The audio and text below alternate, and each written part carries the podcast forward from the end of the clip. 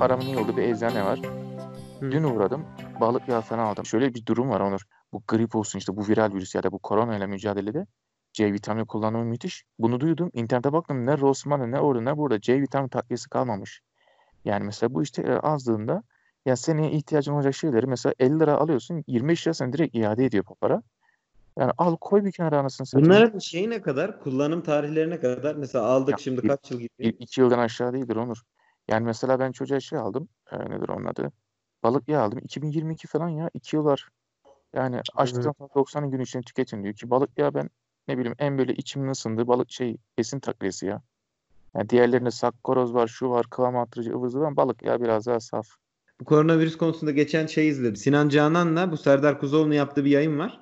Bill Ha, Gates evet. konuşmasından falan da söz ediyorlar. Merak ettim ondan sonra Bill Gates'i de açtım. Şeyden bahsetmiyorum bu hani bundan 5 yıl önce işte bir salgın geliyor hazırlıksız yakalanacağız videosu değil. Ondan sonra bir video daha çekildi. TED Connect diye bir şey var. Uzaktan bağlandılar. Bill Gates'in görüşlerini aldılar da herif e, senle aynı kaygıyı taşıyor. Mesela şimdi sen diyorsun ya ilerleyen günlerde hani C vitamini bulunamayacak piyasada falan diye. Öyle oldu ama Onur. Yani Hem öyle hem de şöyle bir durum var. Diyor ki adam mesela şimdi ülkeler birçok ülke şey yapmış.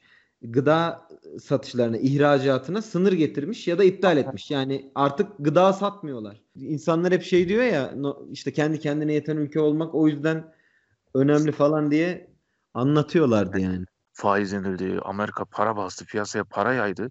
Bu sefer bir öğrendim ki insanlar, devletler bu sefer dövizi elinde tutuyor, dövizi dışarı vermemeye başlıyor. Adam parayı bile elinde tutuyor, yani her şeyi elinde tutuyor.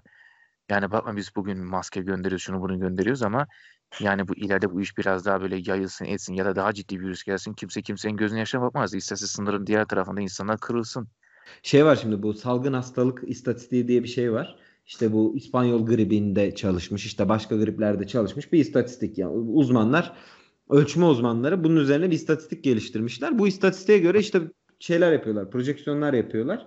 Hakikaten işte Haziran'ın ortasında, Temmuz'un sonuna doğru yeni vaka çıkmayacak bir duruma doğru e, geliyor güya yapılan istatistiğe göre ama şey diyorlar yani hani buna benzer 50 tane e, istatistik modeli var. E, en iyi modeller halka sunuluyor. Hani tüm dünya genelinde. Fakat e, iki sorun var diyor. Birincisi bu istatistik modelleri e, koronavirüsüyle bir çalışmıyor diyor. Çünkü koronavirüs geçmişteki hiçbir şeye benzemiyor diyor. Grip salgınına benzemiyor diyor. Bir de şey var yani şimdi yeni e, vaka çıkmasa ne olacak diyor. Yani bütün önlemleri aldın kendini kitledin. Temmuz 10 oldu örnek veriyorum. Yeni vaka hiç sıfır çıkmıyor. E ama iyi de dışarı çıktığın anda gene yayılacak diyor. Sonuçta artık o virüs var bu ülkede diyor yani yaşadığın yerde. Çıktığın anda yayılmaya başlayacak diyor. Bunun hani aşı dışında bir çözümü yok ya da işte virüs evrim geçirecek. Hani gitti konak canlı da hayatta kalabilmesi lazım falan diyorlar ya. Mortalite oranı düşecek öyle hayatta kalacağız ama şey diyor işte Dünya Sağlık Örgütü falan virüs e, çok erken evrim geçirmeyebilir. E, aşıyı da hemen bulamayabiliriz. Dolayısıyla bu önümüzdeki birkaç yıl boyunca küresel bir soruna dönüşebilir diyor. Hatta bir takım şeyler yapmışlar böyle istatistikler falan yapmışlar. Hiçbir zaman şu Nisan Mart'ta olduğu gibi İtalya'daki falan böyle devasa rakamlara çıkmıyor ama gene her zaman hastalık varlığını sürdürüyor. İşte sayı arttıkça ufak çaplı önlemler, sayı azaldıkça tekrar önlemlerin azaltılması falan gibi böyle uzun birkaç yıl sürecek bir e, dönem bizi bekliyor olabilir falan diyorlardı yani. Yani diyelim ki Temmuz'da sıfır vaka çıktı. Türkiye'de artık bitti diyor. Hani hep bu sözlerden var ya Türkiye'de bilim kurulu üyeleri bile bunu söylüyor işte 400 bin tane diyor asemptomatik diyor koronavirüs vaka hastası var diyor. Ya tamam mesela diyelim ki bir diyelim ki bende var. Bitti diyorlar. Ben tekrar dolaşmaya başlayacağım. Ne bileyim yaşlıların yanına gideceğim, akraban yanına gideceğim. Bu hastalığa dayanıklı olan insana bulaşacağım. Öyle çıkacak. Yani bu e, tanı konulmamış, vücuduna taşıyan ama belirti göstermeyen insanlar bence hakikaten onlar ciddi tehlike. Ben onları düşünüyorum. Şey diye var belki duymuşsundur ben e, gençiz hani en de sonunda atlatırız falan diye düşünüyordum da bu Juventus'ta futbolcu var ya Dybala. Aa kaç hafta kaç haftadır ya kaçtır test adam 7 haftada atlatmış ya ağzı yüzü yamulmuş herifin yani. Bu profesyonel sporcu hani kimin daha güçlü bir bağışıklık sistemi olabilir Ya. diye bakıyorsun. Koronadan çok değişik ölüm hikayeleri var ya. Dün okudum adamın biri korkmuş hastaneye gitmeye kalp hastası kamyoncu kamyonda ölü bulunuyor. Van'daki olaylara hiç girmiyorum. Van'daki olaylar ne hangileri? Arkadaş Ortanca köyü muhabbetini biliyorsun değil mi? Ne anlatsana abi. Van'da bir köy var Ortanca köyü. tutuyor köy imamı ahalinin artık ısrarına mı dayanamıyor ne oluyor bilmiyorum. Köyde cenaze namazına izin veriyor. Derken önce 45 kişi de korona çıkıyor. Sayı 51 vesaire derken en son yüzü geçiyor köyde. Köy karantinaya alınıyor. Bugün de iki kişi benim ateşim yükseldi diyor. 112 ile ambulansı arıyor. Kendini hastaneye getirtiyor ve hastaneden kaçıyorlar acı.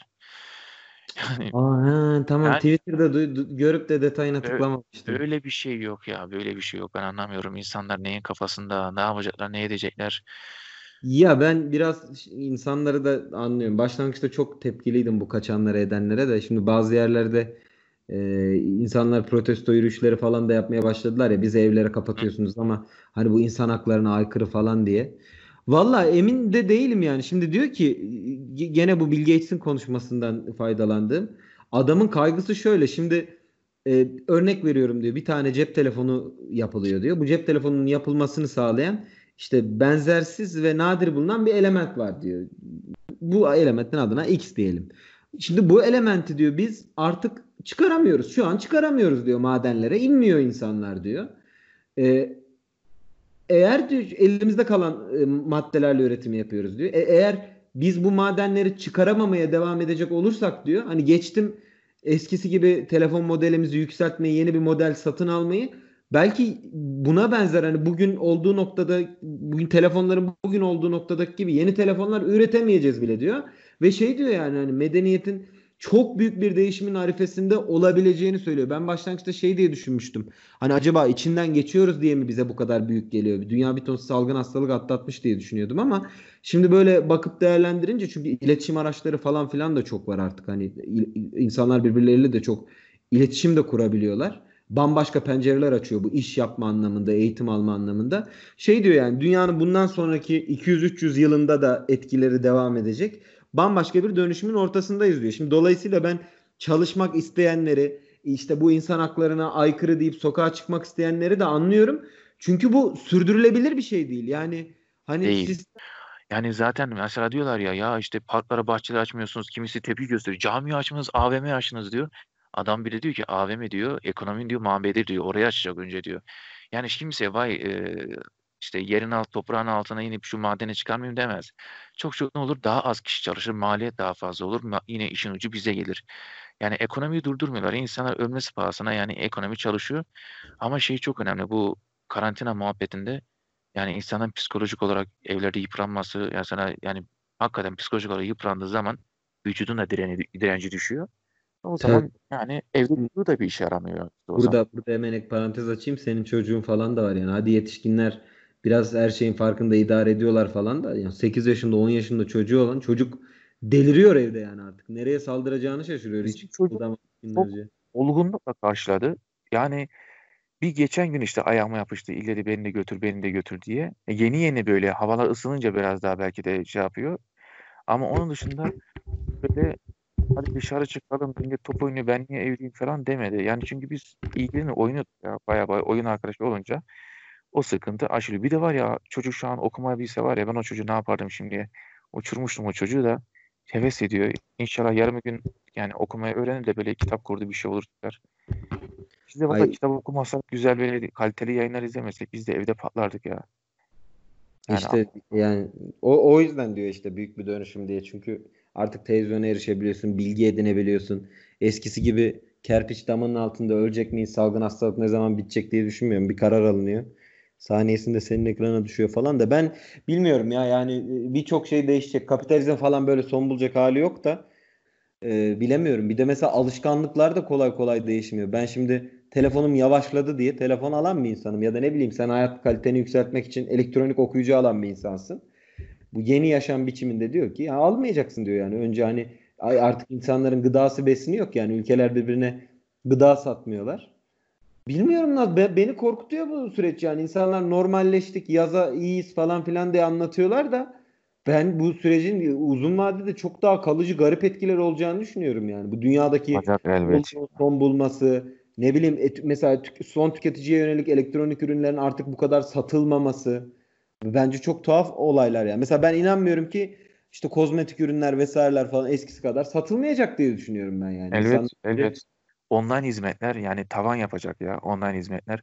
Ben şu an diyorum mesela bir girişimci olsam Yani bir yemek yeri açacak olsam dükkan açmam artık.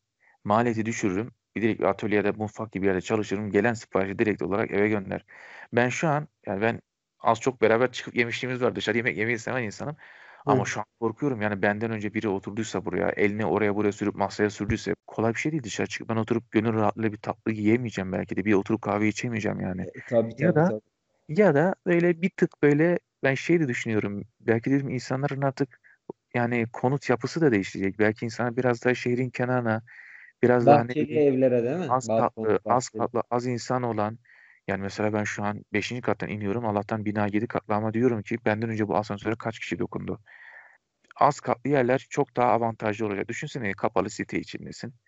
Yani dışarıdan bir, bir- birisi mikrop getirmekten sonra herkesin zaten e, sayı da az. Yani insan birbirini ayıplamaktan dışarı çıkamaz.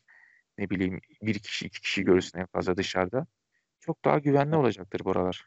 Serdar Kursuloğlu'yla Sinan Canan'ın konuşmasından anladığım şey e, şimdi hani kentten uzaklaşıp herkesin böyle bireysel bir yaşam kurması da bugün pek olanaklı değil gibi duruyor. Çünkü hani biz birbirimize o kadar bağımlı bir yaşam kurmuşuz ki eskiden mesela şey varmış. E, örnek veriyorum. Bu yayında onlar çok daha detaylı anlatılıyor. E, ama az bahsedeyim. Şey diyor mesela Eskiden hani konar göçer bir yaşam şekli vardı yerleşik hayata geçmeden önce.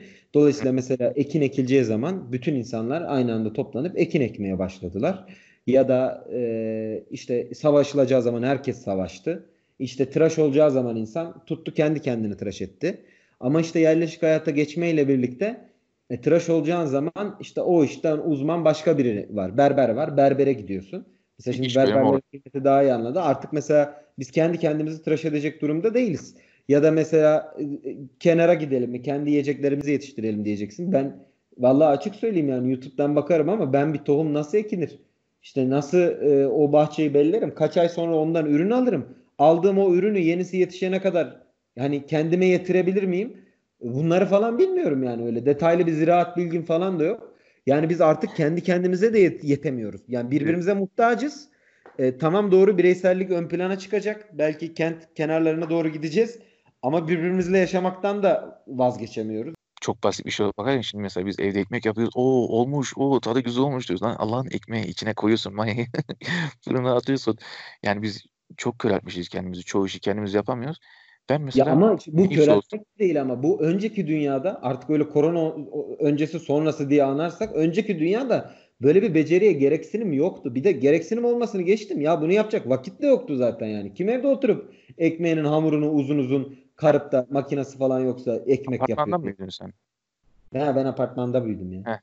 Bizim ev bahçeliydi mesela. Ya ben yani yetiştiğim hayvan sayısı 8-10'u geçmiştir. Tavşandan tut, Pekin ördeğinden, tavuktan, horozdan vesaire.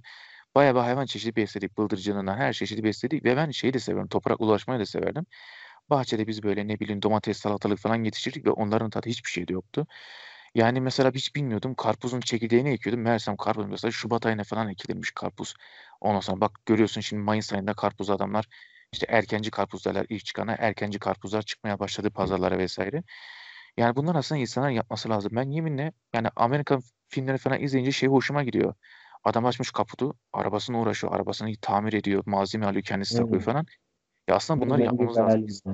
kendi ihmalliğimiz ya. Yapılmayacak şeyler değil. bu çalışma temposuyla olanaksız ya. Yani öğretmen olarak sen bile haftanın 7 günü çalışıyorsun. Daha iyisi 6 gün çalışıyor. Hadi böyle çok ekonomik refah seviyesi yüksek, aileden kalan parası, para, pulu falan varsa ki bu hani iyi durumda olan bir insan için söylüyorum. Türkiye'nin %5'i için falan 6 gün çalışıyor bu adam yani. Bir gün evini mi Valla temizlesin? Televizyon izlemesin her şeye vakit bulur. Ben televizyon izlesem hiçbir şeye vakit bulamazdım. Yani televizyonu izlemiyor. O evde o televizyon kapalı olunca her şeye vakit bulunuyor yani. Benim görüşüm o şekilde. Tamam her işini yetişemeyebilir.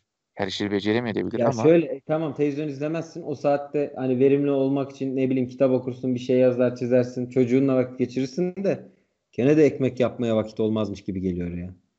sondan ikinci okudum diyeyim. Ikigai diye bir kitap var. Japonların uzun yaşam felsefesini anlatıyor.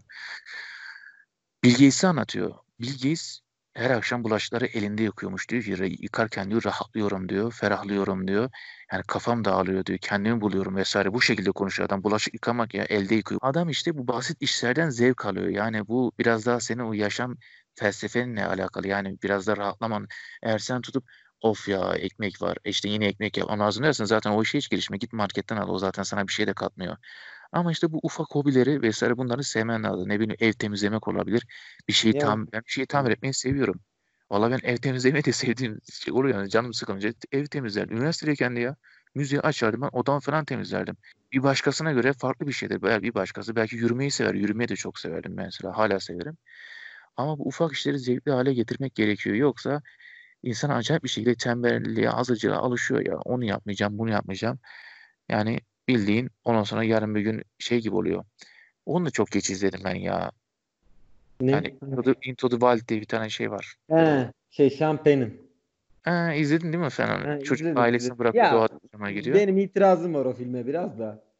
Güzel Ne, tabii, kötü değil. ne oldu? Neyini beğenmedin?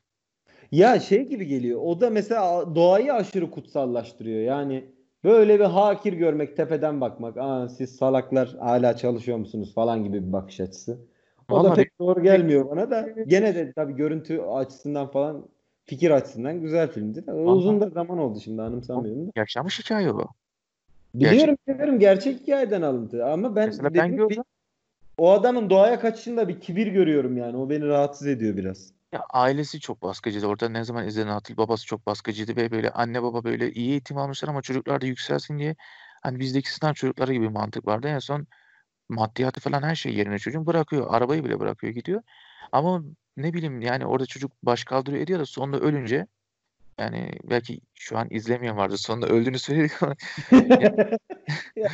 yani hikayesi. o baş kaldırış bitiyor. Yani baş kaldırış bitiyor. Adam bildiğin sonra kopmuş cesedini buluyorlar yani. Yani bunun bir şeyi yok. Kimsenin Ya zaferi. tabii, tabii öyle başarı hikayelerine YouTube'da anlatılan aman karavanla dünyayı çık- gezmeye çıktık. Yok işimi bıraktım gezeyim. Böyle bunlar var ya adamın ölü bedenini bulurlar çöpün dibinde yani. Öyle o kadar Ya, hayal kurulacak gibi değil. ya yılların profesyonel dağcılara gidiyor. Yeri geliyor en ufak bir hatada orada canlarını kaybediyorlar ediyorlar. Yani doğanın hiç şakası hiç basit şeyler değil ya. Tabii Yani tabii. Ne bileyim denizde yüzmüş etmiş ya da ne bileyim bir göle möle girmiş adamsan çok bense ben denizde çok ölümle burun buruna geldim. Bir ırmakta denizde yüzdüğünde en tehlikesi zaten tatlı su. Yani öyle insan ölümle yüz yüze geliyor. Yeri geldi ayağımız kaydı ırmağa bir kaysak yani bizim orada şey vardır kangal vardır. Bir ot. Otun böyle Hı. yapraklarını soyarsan ortasını yersin böyle. Böyle yabani bir ot. Onu toplamaya indiğimizi hatırlıyorum. Toprak ıslatmış bir kaydı ayağımız. Abim gidiyordu. Abimi tuttum çektim. O an ırmağa bir gitse bir daha yok işte. Doğru doğru. Bizim, bizim, köyde falan da arga kapılıp giden çocuk çok vallahi. Çok çok. Yani o tür şeyler var. Doğanın hiç öyle şakası yok. Bir gidersin valla kurtlar mutlar yer cesedine. Yani buradan Baş... sonuç şöyle bir fikre varabilir miyiz acaba yani eskisi gibi doğaya dönmemiz pek olanaklı değil galiba bugün. Değil. Değil yani. yani. Çünkü şu an dönsen nereye döneceksin? Diyelim ki Antep'te ben öğretmen olarak çalışıyorum ama doğaya döneyim desen bir 800 bin liraya falan senin biraz doğaya yakın bir güzel bir müstakil evin.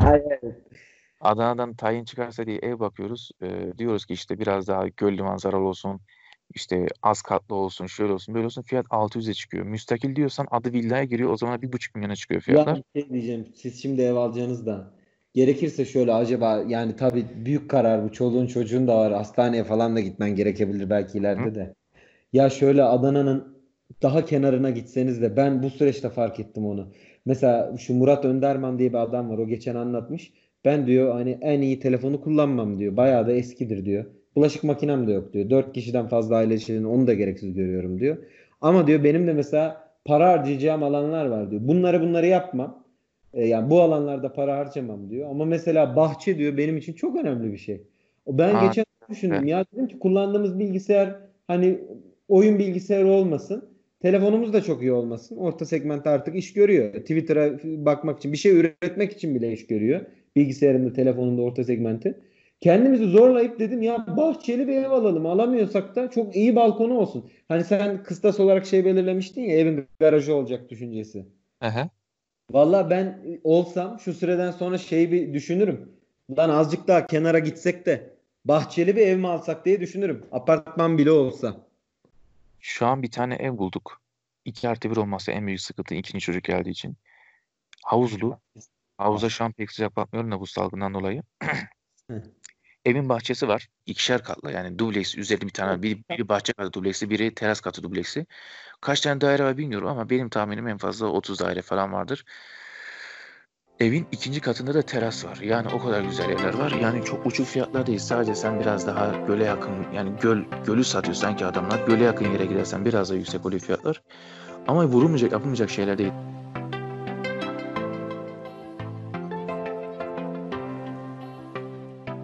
Ciddi söylüyorum onu. İnsan yani bahçeli ya da biraz daha az katlı evde oturursa emin ol daha mutlu olur ya.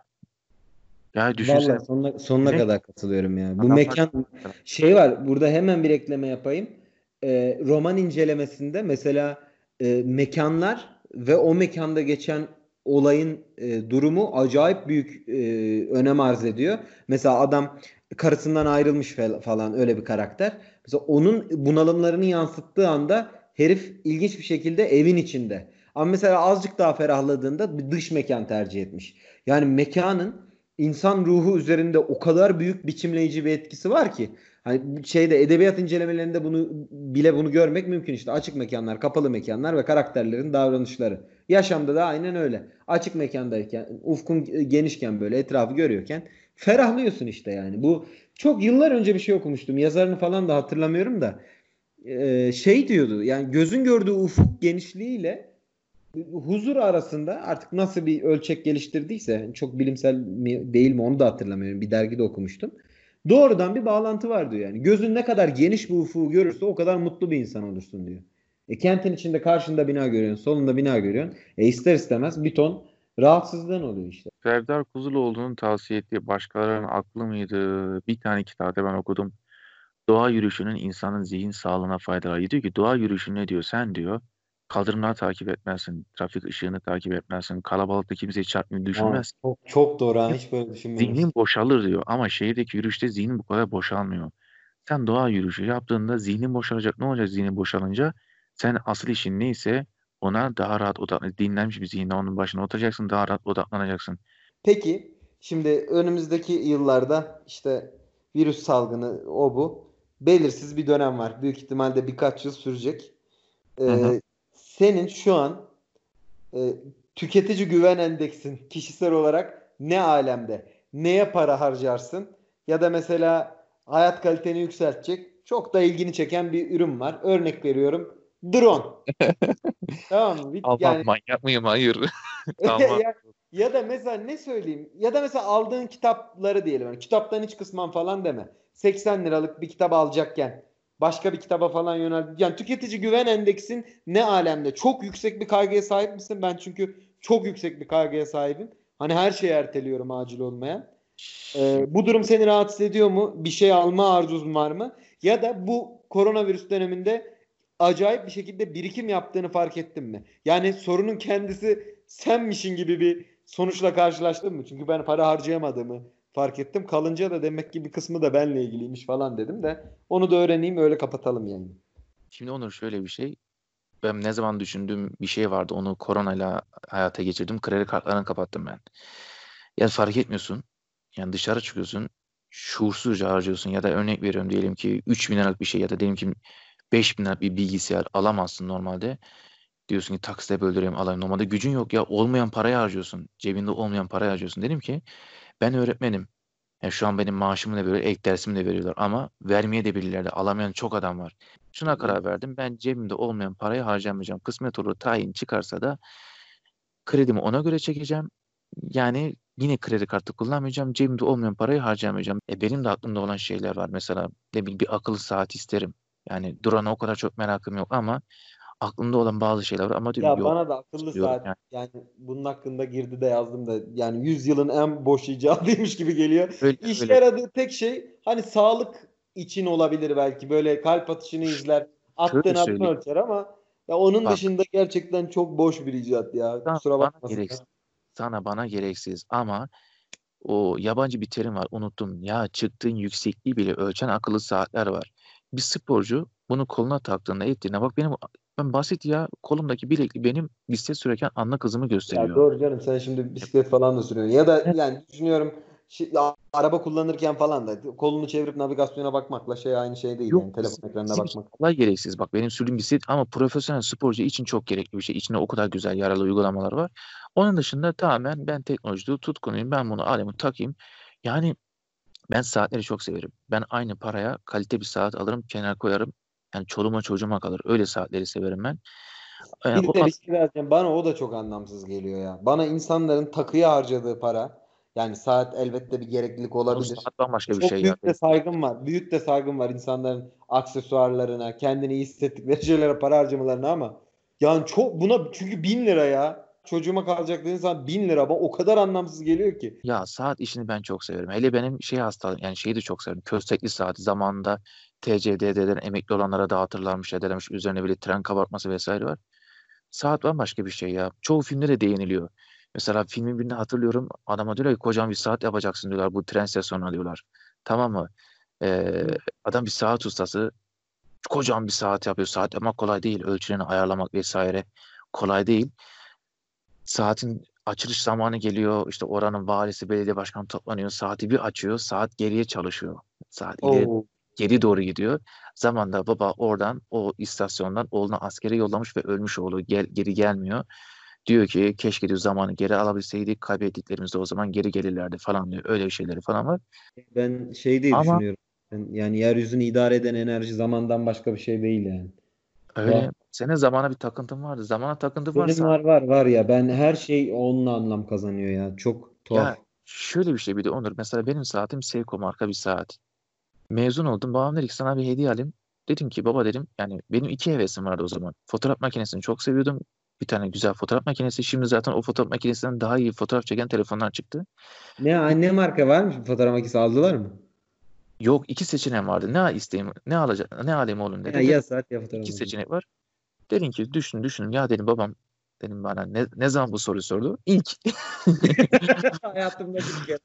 Dedim o zaman saat alayım hatıra olarak kalsın. Bir defa lafını etti dedi ki nerede o saatleri kalacak? Baba dedim duruyor hala. Ya takır takır çalışıyor Seiko'nun saati. Onur Seiko müthiş bir marka ya.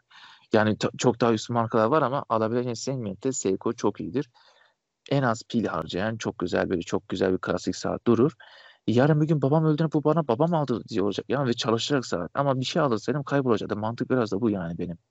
Zaman konusundaki takıntım şeyden ileri geliyor benim. Hani insan e, geçmişi geçmişte bilemiyor. Hani hep diyorum ya geleceğe müdahale edemiyor. Böyle kararlarını sonsuz bir şimdiki zaman içinde veriyor. O şimdiki zamanı da böyle bölümlere ayırmış. Artık yetişemeyeceği bir şekilde o ayırdığı bölümlere ilişkin planlar yapıyor falan. Ne bileyim saat beni yani hem böyle metaforik bir şey. Çok kullanılabilecek bir sembol. Bir sinemacı falan olsam üzerine düşünürüm. Ama bir taraftan da böyle beni geren bir şey ya. Böyle sürekli bakıp yüz göz olmak istemeyeceğim bir şey. E, Saati bilmek istemem mesela yani. işim gücüm Aa, olmasa. ben çok dakik çalışırım ya. Ben çok dakik çalışırım. Bende o vardır. Ya bende de işte buluş ya bu kaygı yüzünden Var. buluşmalarıma erken giderim ya da bir yere gideceksem saat 3'ten 5'e kadar hiçbir şey yapamam falan ama ya bilemiyorum. Bu beni geriyor yani bu bölümlenmiş Aa, saat biraz. saat 11'de diyelim kahvaltı yaptık diyorum ki çocuğun şu saate ara öğün şu saate öğle yemeği tak tak tak çocuğun saatine göre veriyoruz her şeyini. Çocuğun uyuma saati bile böyle sana uyur dedim ya. Koltukta uzanıyorum geldi yanıma uzandı. Saat 9'da uyudu çocuk. Yani o da artık alışıyor saat gibi. O düzenli olup benim hoşuma gidiyor. Çünkü düzenli olunca bir düzen şaşmıyor. Eğer bu çocuğun düzeni olmasaydı bu çocuk mesela kış boyunca hastaydı. Sürekli zayıftı. Bildiğin yani bir senedir kilo almıyordu ya. 16-17 kiloda geziyordu. Şimdi 20 kilo olacak neredeyse. Yani bu 3 ay içinde başardık biz bunu. Eğer bu çocuğun saatli bir şekilde düzeni olmasaydı 3 ana öğün, 3 ara öğün vermeseydik bu çocuk böyle olmaz. Bir, Peki, bir şartla düzen ara öğün aradan kaybolacak. Kalori eksilecek. Bir şekilde peki, yine peki şeyi düş konusunda ne düşünüyorsun? 24 saat çağdaş insanın böyle gününü tam olarak her gün aynı eşit şekilde bölmesi için yeterli mi? Yani şöyle söyleyeyim. Eskiden gün boyu tarla ekiyorlarmış, yoruluyorlarmış. Akşam 9.30-10'da yatıp sabah 6.30'da kalkıyorlarmış ama şu an çağdaş insan o kadar yorulmuyor ki. Yani ben mesela benim tatillerde uyku düzenimin bozulmasının en büyük sebebi o. Ee, bir gün 4 saat uyuyorum, bir gün 8 saat uyuyorum. Yani nasıl öyle insanlar 24 saatte bir her gün böyle bu kadar düzenli düzenli yaşıyorlar? Ben anlayamıyorum yani. Sen mesela bu 24 saatin hakikaten insanın doğasında olan bir e, düzen olduğuna inanıyor musun?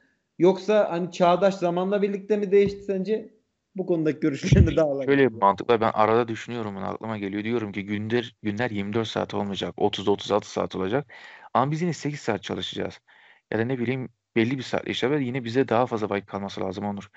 Yani tamam eski zamanda insanlar ne bileyim işte çalışıyordu hava kararınca aslında çoğu yatmıyordu. Akşam toplanmaları ıvır zıvır sosyal bir hayat vardı geçmişte de. Mesela babam bazen şey der annemin uykusu kaçar yorulmuyor ki uyuyasın der. Babam daha kafa yastığa giderken uyur. Çünkü adam dükkanda yoruluyor ediyor. Doğru. Ama ne bileyim şu an mesela ya hakikaten Onur yani fabrika işçisi adam sabah vardiyalı çalışan adamın zaman yetmeyebilir. Adam eve geliyor, yemeğini yiyor, televizyon karşısında uyuyor, uyuyor kalıyor. Sabah kalkıyor, işe gidiyor. O adamlar 8-5 çalışma düzeni diyor mesela. Ya diyor berbat bir şey diyor. Ben çalışamazdım diyor. Hafta içi diyor hiçbir şekilde mesai saatinde diyor dışarıda değilsin hiçbir işini yapamazsın ya da diyor hiçbir Ya büyük bir, bir öz- büyük çalışıyorsun. bir özgürlük kısıtlayıcısı ya. Bak Yani gidiyorsun. resmen kımıldayamıyorsun başka yere. Yani hapis gibisin orada. Aynen akşam 5'te işten çık eve gel. Eğer yemek yapan birin yoksa yemek yap yedin 7 metin 8 oldu. E, Dışarı çıkacaksın ama sabah tekrar 7'de uyanacaksın. Ona göre iş yapacaksın. E, Cuma cumartesi kalıyor orada da AVM'ye takılıyorsun. Yoğunluğun içine giriyorsun. E tabii zaten pazartesi tekrar aynı düzene gireceğimin gerginliği Aynen var. öyle. Ben şununla ilgili yine okumuştum. Yani bazı şirketler çalışma saatini azaltıyor ya da günü azaltıyorlar. Diyorlar ki yani bizim bu insanlara haftada 40 saat çalışmamız gerek yok. Azaltıyorlar. 30 saate düşürüyorlar. Bir gün bir günü tatil ediyor. Cuma cuma gelmeyin diyor. Bakın Ya sana 4 gün yine aynı işi yapabiliyorlar insanlar. bölüyorum. Abartmadan hemen Türkiye'deki örneklerini söyleyeyim çok başarılı olan. Aselsan var ya Aselsan bildiğin devlet kurumu. Evet. Aselsan'da haftalık bir çalışma saati var. Örnek veriyorum. 20 saat. Tamam örnek yani. İstersen 4 gün boyunca hiç gitme git bir gün 20 saat çalış. Adam diyor ki girdiğin çıktığın zaten hani çok ciddi güvenlik önlemleriyle korunan bir çalışma ofisi var. Şey e, sanayi bölümü var. Girdiğin çıktığın saat zaten belli. Sisteme girişin çıkışın oluyor. Parmak izinle ya da ne işte kartınla vesaireyle. Kendine göre planlıyorsun ya esnek. İstersen mesela e, sevmediğim bombok çalışma arkadaşlarıyla da e, karşılaşmak zorunda değilsin. Mesela ne var? Ben Reha Balkan'la çok iyi anlaşıyorum. Mesela Reha biz salı günleri mi gelelim diye düşünüyoruz aramızda. Salı günleri gelmeye başlıyoruz. Yani herkesin aynı anda orada olduğu günde de yoğunluk olmayacak şekilde planlanmış ama ne kadar güzel bir şey. Esnek olarak saatlerini planlıyorsun yani. Ve zaten bu uzun süredir hani ek sözlükte de başlık vardı. Ofislerin gereksiz olması diye başlık vardı. Ta yıllar önce açılmış. Şimdi bu koronavirüs salgını sonrası Heh, tekrar gündeme geldi diyecektim. aynı başlık. Ya Ama gereksiz yani ya da esnek planla bunları. ya home office çalışmak artacak bu bir. Kim demişti ya bugün okudum yine de biri demiş ki bundan sonra ofisler daha geniş olacak dedim senin ufkun keşke daha geniş olsaydı Allah'ın cezası. Ben Arkadaş kesinlikle yok ya. seçenek haline getirilecek artık. Ben o özellikle teknoloji şirketlerinde falan ya bayağı artık seçenek olacak bu. Kim eve gitmek ister, kim buradan çalışmak ister falan diye. Gitti çok. Soracak Bence mesela. evde çalışmak yani ev ortamına göre değişir ama imkanı olan için çok daha güzel bir şey. Ya home office çalışmak. Doğru. Ama şunu da belirtelim. Eğitim tamam uzaktan olması büyük kolaylık. Özellikle teorik derslerde, lisansüstü eğitimde ben de desteğim. Ama eğitim öyle uzaktan olmuyor maalesef. Onu belirtmek isterim. Çünkü yaşam Doğru. deneyimi kazanacaklar, diğer arkadaşlarıyla iletişim kuracaklar, edecekler falan. Yani özellikle üniversite bitimine kadar e, kültür edindirme kurumu üniversitede. Okul öncesinde de zaten eğitim alıyor öğrenci çocuklar falan. Yani yüz yüze olması şart ama onun geri kalan kısmında uzaktan eğitim ya da böyle uzaktan çalışma herhalde kaçınılmaz bir şekilde değişecek. Mesela benle insanlar dalga geçiyordu. Sen Migros'tan al marketten alışveriş yapıyorsun da 5 lira paketle taşıma parası mı veriyorsun diye. Onlar falan yaygınlaşacak herhalde. Öyle büyük alışveriş mağazaları falan varlığını sürdürür belki ama 40-50 yıl daha değil herhalde. Öyle düşünüyorum.